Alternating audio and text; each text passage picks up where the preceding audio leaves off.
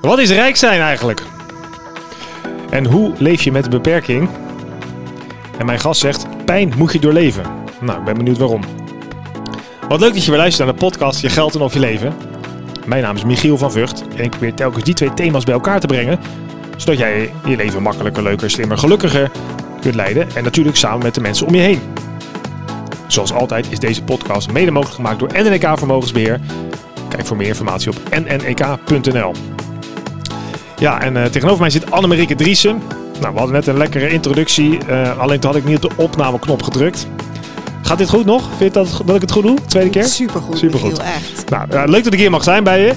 Jij bent inmiddels met je bedrijf Wakker. Help jij sociale ondernemingen commerciële te maken. Je staat heel erg voor het idee van nou, mensen moeten weten wie ze zelf zijn en daar ook voor staan. Je maakt mensen dus wakker. Je hebt nog een horecaonderneming gehad in Barcelona. Maar we hebben ook een big life-changing event wat jij hebt meegemaakt waar we iets over moeten gaan zeggen. Dus ik denk genoeg om over te praten. In ieder geval fijn dat ik hier mag zijn. Nou, dat ging ongeveer hetzelfde als, als de eerste keer, toch? Ja, helemaal top. Helemaal top. Nou, laten we dan eens teruggaan naar uh, het Big Life Changing Event. Jij vertelde mij aan de telefoon, toen wij dit soort van voorbespraken, dat uh, jij zat op de fiets in Utrecht in 2005 en toen gebeurde er iets. Yes. Ja. Nou. True that. Ja. Niets aan gelogen. Ja, dat was uh, om precies te zijn 8 november 2005. Ik denk dat iedereen wel een uh, datum in zijn geheugen heeft staan, uh, nou ja, een soort van ingegift staat, getatoeëerd staat. Nou, een van die data is voor mij uh, 8 november 2005. Um, ja, 8 november 2005. Ik word er altijd een beetje stil van. Want ik wil even teruggaan naar het moment dat ik in Amsterdam studeerde en in Utrecht woonde. En um, na een dag gestudeerd te hebben aan de hotelschool uh, in, op Utrecht station aankwam en naar mijn fiets pakte en naar huis fietste. En eigenlijk tijdens die fietstocht viel mijn tas af van mijn linkerschouder. Die viel naar beneden. Ik dacht, huh, wat gek. Ik had een beetje een slaapgevoel in mijn arm. Nou ja, ik goed zo praktisch als ik ben, dacht ik, nou dan pakken we een andere arm en dan komt dat vast wel, nou, loopt het wel los. Nou ja, niets was minder waar. Ik, ik kwam thuis en het bleef aanhouden. Ik weet dat ik nog een kopje koffie heb gezet en ik probeerde het op te pakken met mijn rechterhand, maar dat lukte ook niet. Nou, mijn toenmalige ouders en uh, mijn toenmalige ex-vriend gebeld en mijn ouders gebeld. Die namen allebei niet op. En toen dacht ik, nou laat ik toch even de huisarts bellen. Dus die heb ik gebeld. Daar kon ik uh, gelukkig meteen terecht. En daar ben ik op nou, half heen gefietst.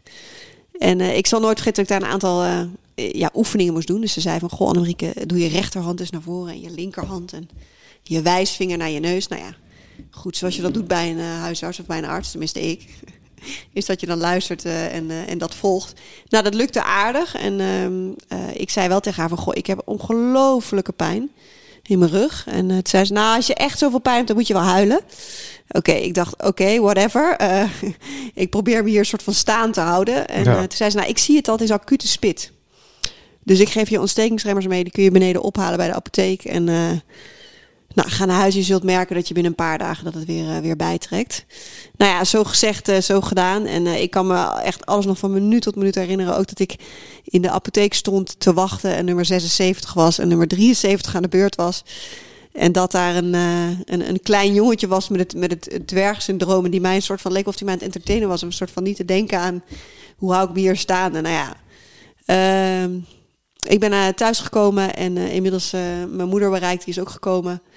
Ontstekingsremmers genomen en uh, in bed gaan liggen. En toen op een gegeven moment moest ik naar het toilet. En ik zal nooit vergeten dat ik naar voren geschoven in mijn bed en dat ik omhoog wilde komen. En dat ik zei, mam, ik, het lukt me gewoon niet. Ik kan niet meer op mijn benen staan. Nou, mijn moeder zei, kom aan, weet je, ik geef je een wipje en dan help ik je even. Nou, dat lukte niet. En ehm, nou ja, toen lag ik eigenlijk nou, voor mijn gevoel een paar minuten tijd lag ik, uh, werd ik op de spoedeisende hulp binnengereden in het UMCU in Utrecht. Mm. Ja, wat ik me daarvan herinner is dat ik gewoon de, de, de, de paniek voelde. Dat van, weet je, mijn lijf stopte er steeds meer mee. Ja. En uh, ja, wat, wat is er met haar aan de hand, weet je? Uh, jonge vrouw, 25 jaar, sportief, fit, noem het allemaal op. Tot nu toe nog niets meegemaakt waardoor ik in een ziekenhuis um, heb gelegen of wat dan ook. Um, en wat ik me ook echt nog wel herinner, is dat er continu vanaf het moment dat ik binnen was, iemand, een verpleger bij me was, een man. Die, uh, ja, die, die, die, die ook ja, gewoon het contact met me maakte. Zo van, het komt wel goed, weet je. Even een arm op me legde, me aankeek. Heel liefdevol was. Dus dat gaf me wel uh, een soort van, ja, rust of zo, weet je. Ja, precies. En ik weet op een gegeven moment ook dat het, ehm, dat het echt mis was, omdat diezelfde verpleger een, uh, een, een stoffer, een blik, zeg ik altijd, een soort van blik vast had met daarop ontlasting op. En uh, dat ik aan hem vroeg van, oh, is, is dat van mij? Oh, dat had je helemaal niet door? Nee, ik had dat niet door. En ik zei, is dat van mij? En hij reageerde weer niet. En toen de derde keer zei, kun je me alsjeblieft vertellen of dat van mij is? En toen knikte hij zo van, uh, ja. Dus hij schudde met zijn hoofd op en neer. Toen dacht ik, oh, kak, weet je. Ik heb dat gewoon een kak. Ik heb dat,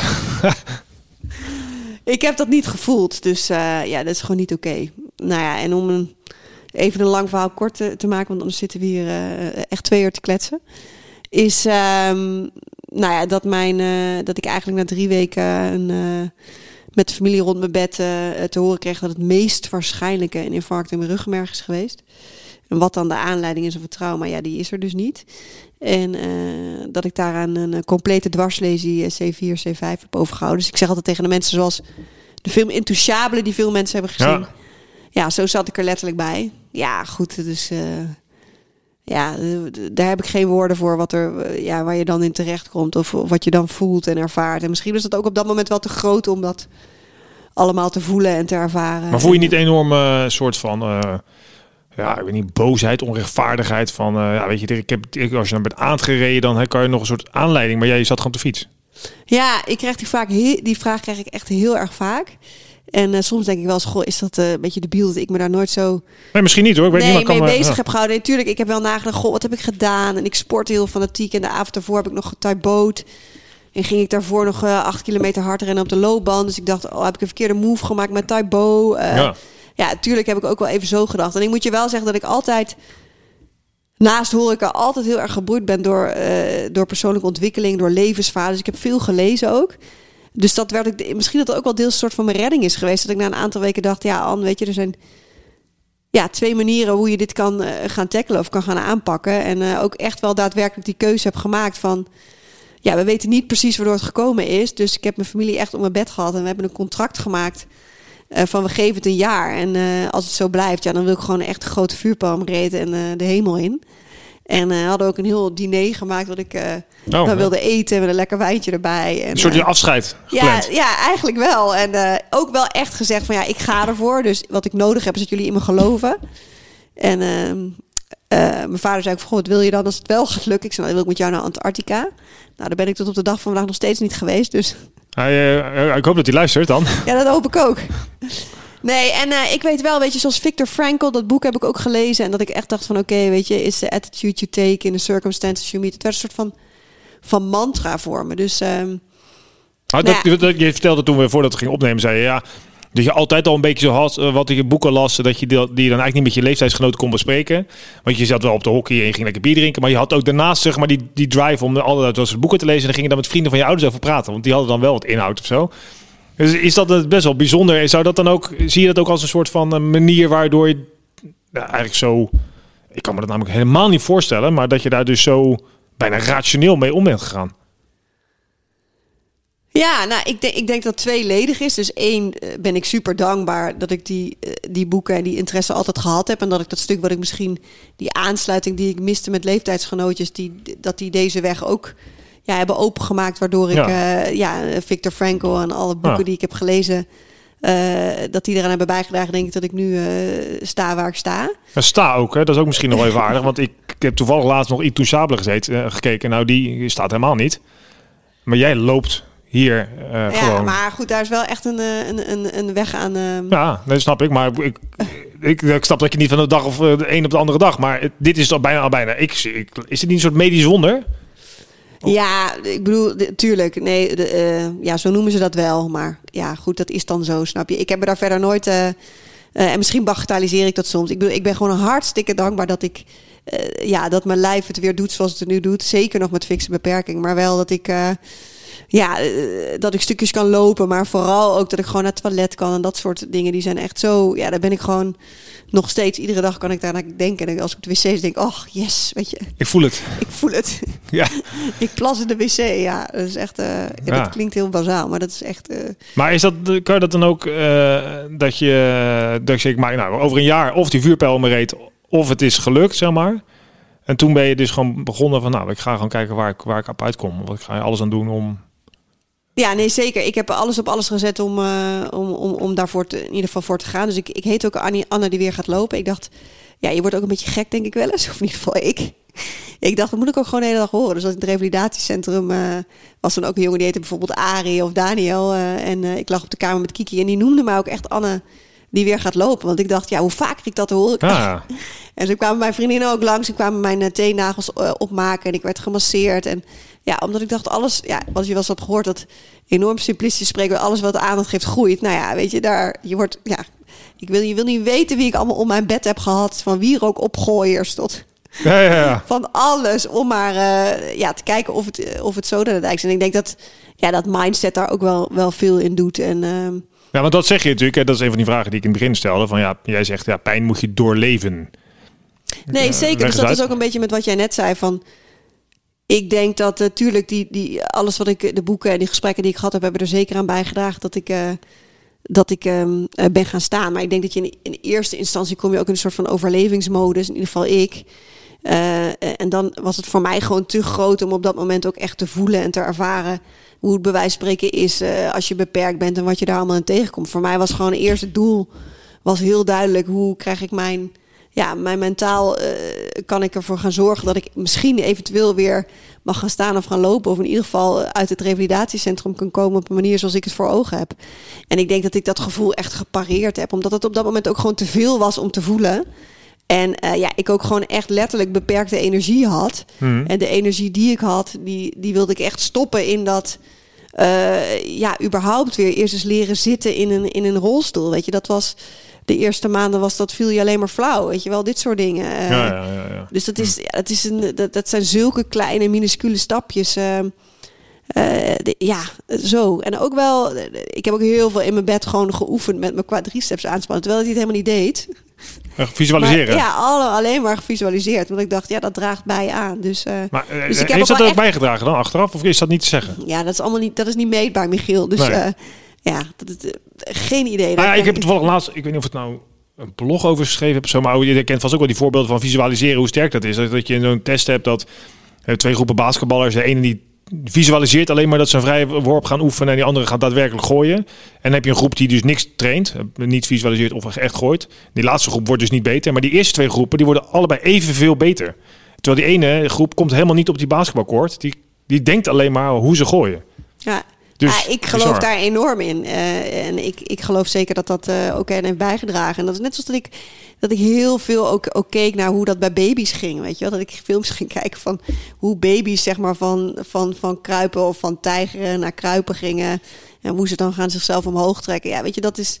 Eh, voor, voor mijn gevoel droeg dat bij aan, weet je. Maar dat is hetzelfde als ik nu een, een talentprogramma geef. Dan kijken we ook de filmpjes van Mr. Miyagi... dat hij ja, dat hij de, de ramen laat poetsen. Zijn oh ja, van de auto. Ja, van de auto. En de jas ophangen en dat ja, soort dingen. Ja, precies. Om maar uh, dat gevoel te krijgen. Ja, ik, ik geloof enorm dat dat, uh, dat dat bijdraagt. En dat was het minste wat ik kon doen. Dus waarom zou ik dat niet doen? En het was ook wel goed voor me om dat te doen. Want uh, ja, ik ben ook ergens een denker en een... En, en, en een ja, ik, niet dat ik ga piekeren, maar ik denk wel dat het ja, dat het goed was om voor mijn manier, weet je, dus in beweging zijn. In beweging zijn en in beweging blijven. En misschien dat ik dat ook deels deed. Maar dat was dus in je hoofd.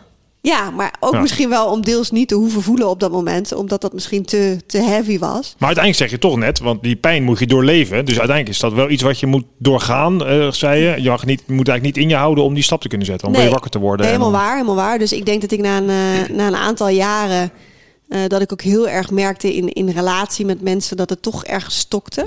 En dat het ook wel leek alsof mijn wereld heel groot was. Maar ergens dat ik mezelf ook wel ja, beperkte. Omdat ik dat ook wel spannend vond. Van goh, weet je, ben ik wel goed genoeg? En uh, uh, wat denkt Michiel al informatie mij in de kroeg ziet en dan ziet mij een pilsje drinken met twee handen. Weet je wel, denkt hij dan van. Ja, die, die, weet je, dit, daar ben ik wel echt naar gaan kijken en wat ik daarin tegenkwam. En ja, toen heb ik ook echt wel een half jaar heel veel gehaald.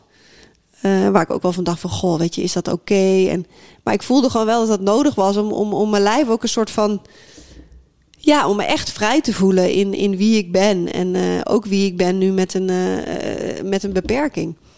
En ja, ik denk dat ik geboren met een paar competenties zoals doorzetten en lef... die enorm hebben bijgedragen dat ik gekomen ben waar ik nu ben. En tegelijkertijd is er ook een andere kant.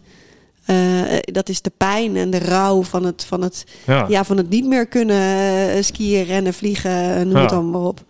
Maar laat je, heb je dat dan nu achter je gelaten? Of eh, komt dat met fases weer terug en dan weet je hoe je ermee om moet gaan? Of hoe gaat het? Ja, dat vind ik een hele mooie vraag. En eh, ook altijd een spannende vraag.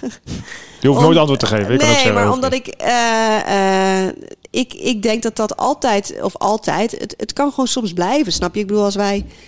vorig jaar waren we skiën en, en dan zie ik die kleine met mijn vriend van de berg afgaan. En ik ga dan met de lift naar boven. En dan kan ik super genieten van dat ik in de lift zie. En ik vind het prachtig, de bergen en uh, dat zonnetje. En ik zie die kleine naar beneden komen. En ik zie Jaap skiën.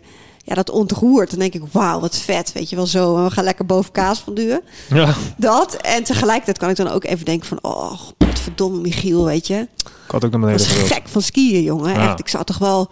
Ik zou bijna moord doen om gewoon even één keer, weet je, die, die skis onder mijn voeten op die sneeuw. Oh, dat geluid zo van die sneeuw die maar ik denk dat je, ik denk dat je gaat, dat het, dat het weer gaat gebeuren.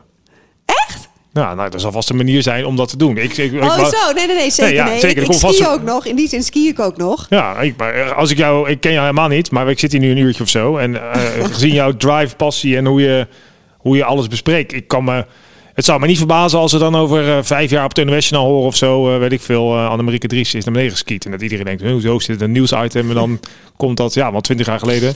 Ja, ze zeggen wel eens de wonderen zijn de wereld nog niet uit. Nou, dus, dat dus wie weet. Maar goed, ik leef er niet na. Ik bedoel, het is vandaag. Ik zit hier nu met jou in het prachtige beeld over. Ja. En ja, let's see. wat kun je nou, want, want nu in je bedrijf, uh, misschien even een hele zijstapje. Maar je helpt nu die sociale ondernemingen, dus dat zijn bedrijven die het graag goed willen doen, eh, zou ik maar zeggen, voor de rest van de wereld. Uh, help je om commerciëler te worden. Wat draagt nou jouw eigen Big Life, life Changing Event bij aan jouw ondernemerschap en hoe jij mensen helpt die stap te zetten? Zie je daar parallellen in? Uh, ja, zeker zie ik daar parallellen. Ik kom wel vanuit de andere kant. Dus veel eerst in de corporate en zorgwereld gedaan. En nu eigenlijk een soort van in een transformatie, zeg maar, ook met wakker meer richting de social enterprise ondernemingen wel de ondernemingen, de 4% die, die boven een miljoen draaien. Dus, uh, en de parallel daartussen is dat ik het gewoon. Uh, ja, weet je dat ik denk ik ook vanuit mijn persoonlijke pad heel erg eerst geleerd heb leren staan voor, voor wie ik ben. En vanuit daar uh, heb leren staan voor wie ik ben en welke plek ik daarin wil innemen in de wereld. En ik denk dat als je naar social enterprise ondernemingen kijkt, dat daar wel zeker een parallel in die zin in zit. Van goh, wie, wie zijn wij als onderneming en ja. weet je, hoe willen we naar buiten treden? En ik, wat ik mooi vind, is om dat persoonlijke ontwikkelstuk uh, ook te koppelen naar de dagdagelijkse business. Want ik geloof als je die met elkaar verbindt, dat je dan echt. Uh, ja, echt impact gaat maken. En uh, ja, dat is gewoon mooi om te zien. En ik vind het heel mooi, de alle meters die ik daar, waar het bij, het, bij de corporate heel normaal is dat je zo'n traject krijgt aangeboden, is dat in de sociale wereld is dat gewoon minder. Dus het is gewoon heel mooi om te zien wat daar nog, wat daar nog te halen is. En daar hebben we uh, ja, een prachtig product voor ontwikkeld. Wat uh, nou ja, in ieder geval zijn vruchten ja. afwerpt. En volgens mij staan we pas aan het begin. Dus uh, ik vind het. En ik vind het ook gewoon mooi om, om weet je, een, een onderneming waar ik gisteren was, waar gewoon 25% van het personeelsbestand mensen met autisme werken. Weet je, dat is gewoon toch, hoe vet is dat? Weet je, die mensen die, die, hebben enorme talenten die, die hem benut en uitgenut worden. Uh, ja. Maar bedoel je dan, want ik, ik, dit trek me daar wel mee. Je zegt, sta voor wie je bent. Dus jij zegt, nou, ik heb leren staan uh, als metafoor dat ik met twee handen een biertje drink. En dat ik denk, joh, kan mij verrotten wat de rest ervan vindt. Want ik, je, je staat nu voor wie je bent. Je hebt daarmee leren leven. Zeg ik mm goed? Ja. En dus dat, en die vertaling maak je eigenlijk ook naar die organisaties. Dat ze ook trots zijn op het feit dat er bijvoorbeeld mensen met een beperking werken. Of dat ze trots zijn. Dat, is het zo'n soort vertaling die je dan zoekt? Of? Ja, maar ik denk ook staan voor wie je bent. Dat is ook je volle potentieel benutten als mens, snap je? En dus daar ook naar kijken. Dus, dus, dus wie ben jij uh, als Michiel zijnde? Uh, waar kom jij vandaan? Uh, wat zijn de patronen en dynamieken die jij ontwikkeld hebt, snap je? Mm. En hoe krijgt dat dan ook plek in de dagdagelijkse business? Dus als je in de verbinding gaat met andere mensen. En ik denk daarop reflecteren, snap je? Eerst op ik en daarna op het stukje wij. Uh, en daarna zeg maar dat organisatie, uh, dan krijgt het ook plek in de organisatie in de praktijk. Ja, dus heel individueel kijk je per mens uh, van joh, wat, wat draag jij bij, wie ben je eigenlijk en waarom doe je wat je doet? Ja, dat zou je zo kunnen zeggen. En natuurlijk wel gekoppeld aan de doelen die een organisatie ja. heeft en jouw persoonlijke doelen. Ja. En ja, daar ook echt concreet ja, aan te werken en te kijken waar je een stap en een, en een move kan maken om, om uiteindelijk dus meer impact te maken. Hm. Nou, dat, datzelfde geldt natuurlijk net zo goed in het persoonlijke leven. True that. Ja, ja toch? Gelogen, ja. ja. En we hadden ook nog een vraag, want misschien is het een beetje, een beetje hak op de tak, maar zo ben ik nou helemaal altijd. Ja. Want we begonnen eigenlijk met die vraag, wat is rijk zijn? En jij zei in het begin, ja, weet je, misschien heb ik makkelijk praten, we wonen hier in beeld over of zo. Maar buiten dat, eh, door jouw ervaring en misschien ook door je eh, dus persoonlijke ervaring, maar ook door het feit wat je allemaal gelezen hebt en waar je over praat en denkt en zo. Hoe zie je daar, hoe kijk je daar dan naar? Eh, naar dat, wat is rijk zijn? Je had het net over. je had het namelijk over. eh, Voor ja, rijk zijn gaat volgens mij, ik bedoel, kijk, dat is echt vanuit mijn perspectief gesproken. Want, eh, ja, natuurlijk. En daarom ben je ook gast. Ja, van ik denk dat eh, de rijk zijn, ehm, eh, natuurlijk is het fijn eh, om, om geld te hebben en om te kunnen doen wat je wil doen. eh. en eh, ik vind het hartstikke fijn dat ik eh, jou een kopje koffie kan aanbieden. En als ik wil nog een koekje erbij en eh, noem het allemaal op. Maar ja, ik denk dat, dat rijk zijn voor mij ook wel gaat over eh, hoe rijk voel ik me als mens. En eh, hoe kan ik eh, mezelf meer ontwikkelen en... ja, hoe kan ik in de relatie eh, de, de liefde laten stromen en laten vieren? En eh, ja, dat is voor mij ook wel een vorm van rijk zijn. Ik bedoel, ik, ik, ik heb bijvoorbeeld een broer die super succesvol is in wat hij doet. En eh, tegelijkertijd zitten wij wel eens met de familie zo met elkaar te praten van ja, wat is dan rijk? Weet je, is dat rijk omdat hij, snap je, Ja. wat geld op zijn bankrekening heeft staan? Snap je? Terwijl, nou ja, soms als we dan met hem in gesprek zijn, denk ik, nou, ik vind hem eigenlijk super arm, weet je wel. Ja, Terwijl precies. er ja. nog een enorm potentieel ligt in. Maar goed, dat, dat, daar moet, dat is ook waar je behoefte, denk ik, ligt. Dus dat verschilt ook per mens. Maar En merk je dat dan met de organisaties met wie je samenwerkt, de sociale ondernemingen, dat die veel meer rijk zijn op het gebied wat jij omschrijft en misschien minder rijk zijn op de munt op de bank? Zit Nee. er, of maakt dat Eh, niet per se uit? Nee, maar ik denk dat dat. Het is gewoon vanuit een andere, eh, vanuit een andere uitgangspositie. Dus ik denk dat het. Eh, dat die ondernemingen super succesvol zijn in wat ze doen. Alleen ze zitten wel heel dicht bij, bij de bijdrage die ze ook willen leveren zeg maar, aan de maatschappij. Dat geeft een heel rijk gevoel, zou ik maar Nou zeggen. ja, de- Dus die- mij, mij wel. eh, en ik denk dat, dat dat ook hun een rijk gevoel heeft. Anders doen ze niet wat ze doen. Ja, ja, precies, dat bedoel ik. Ja. Want je kan Ja. natuurlijk, eh, je hebt genoeg. je hebt zo'n, ik vind het een fantastisch filmpje op YouTube. Dan zie je allemaal ratten die gaan dan naar hun werk. Misschien wel eens gezien. Dat is de rat race, zeg maar. Wordt daar heel Mhm. mooi uitgebeeld. Dan zie je natuurlijk mensen die allemaal met heug en meug in de metro druk en werken met een boze baas en weer thuiskomen en dan de kinderen bla bla en dan gaat de hele dag zo door. Ja, die zijn natuurlijk misschien wel rijk in geld, maar niet rijk in gedachten en in beleving. Zo kan ook omdat ze vaak werken mensen bij een organisatie die ze helemaal niet prettig vinden, maar ja, ik moet geld verdienen. Nee, maar bij sociale dus- onderneming misschien heel anders is. Ja, maar daarom, we hebben ook een impactpaspoort, een plan ontwikkeld. Dat doe je dan eh, voor individuen, maar dat doe je ook voor de organisatie. Die kun je dan weer aan elkaar linken. Ook in- Ook in een soort van functioneringsgesprekken bij wijze van spreken. Mhm. Ja, ja, past het wel zo? Ja, dus ik denk dat het wel goed is om te kijken, goh, wie ben jij en eh, weet je, wat, wat wil jij hier doen op deze wereld en welke impact wil jij maken als persoon? En tegelijkertijd ook echt wel naar kijken van dat er ook geld mee te verdienen is, want dat is natuurlijk wel belangrijk. Ik bedoel, je het wel nodig nog steeds? Ja. Precies, dus ook, eh, weet je, als jij het heel mooi vindt als jouw passie piano spelen is, dan is het ook wel belangrijk om te kijken hoe ga je daar, Ja. snap je, vorm en inhoud te geven. Dan kan het ook zijn dat het uiteindelijk een hobby wordt, maar dat je op een andere, Ja. weet je, dus dat is wel, eh, eh, het is wel vanuit een andere, ja, vanuit purpose, hè, dus eh, een mooie woord. Ja, ja, ja, precies. Ja, nou ja, het, maar ik geloof wel dat dat een bepaalde waarde geeft aan, aan, je, aan je leven, toch? Ja, en ik denk ook dat het, ja, nou ja, wat wij zien is vanuit dat paspoort en plan, eh, ehm, ja, dat het enorme eh, waarde toevoegt en eh, dat je dan ook gewoon echt concreet en doelgericht aan het werken bent. En heb jij zelf je purpose meer gevonden na jouw big life changing event? Of denk je dat ongeacht dat, dat je ook wel op een, dat dat altijd al in je zat? Of heb je iets nodig, misschien is dat een betere vraag, heb je iets nodig als mens wat zo groot is om, om te veranderen, om iets te gaan doen waar je misschien echt achter staat of waar je het beste uit jezelf haalt? Of kan je het ook als je gewoon een gemiddeld eh, overkomt je gelukkig niks, kun je dan ook het beste uit jezelf halen zoals jij hebt gedaan? Ik denk dat dat zeker ook kan. Ik denk dat het zeker ook kan. Ik denk alleen dat ik op gewoon op jonge leeftijd, eh, ja, door, door mijn big life changing event eh, eh, op een bepaalde manier in een stroomversnelling ben geraakt en dat ook aan ben gegaan. Dus ik bedoel, het kan ook een keuze zijn om dat niet te doen, snap je? Dus dan, Ja. dat is ook wie je denk ik als mens bent en hoe je de bereidheid die je hebt om de dingen aan te kijken die je meemaakt in je leven en aan te pakken. En eh, ja, ik denk dat ik daar in sommige dingen dat ik dat vol aangepakt heb en aangekeken heb. En er zullen vast ook nog een aantal thema's zijn waar ik eh, nog wat mee moet. Nou ja, goed, kunnen we het een andere keer over Nou, nou, dan kan je nog doorontwikkelen. Dat is alleen maar mooi, toch? Precies, ja, dat, dat houdt niet op. En eh, Nee, en, eh, en ik denk dat het ook heel erg te maken heeft met, met eh, weet je, ook als je het dan over veerkracht hebt, weet je waar je vandaan komt en eh, weet je, op, op wie kan je ook terugvallen op momenten dat het dus wel rot met je gaat. En dat, dat, dat, dat zie ik als rijkdom. Ja, ja, sociale omgeving. Ja, en, dat ik gewoon, weet je, en de- de- de- middelen waren en dat er super liefdevolle ouders waren en liefdevolle vrienden waren die, die op dat moment gewoon eh, er voor mij waren op de manier zoals ik dat wilde. En dat ik me er ook helemaal niet bezig hoefde te houden met is daar balans op dit moment, weet je. Die waren er gewoon onvoorwaardelijk iedere keer weer, zonder dat ik nog een hypotheek bij ze heb.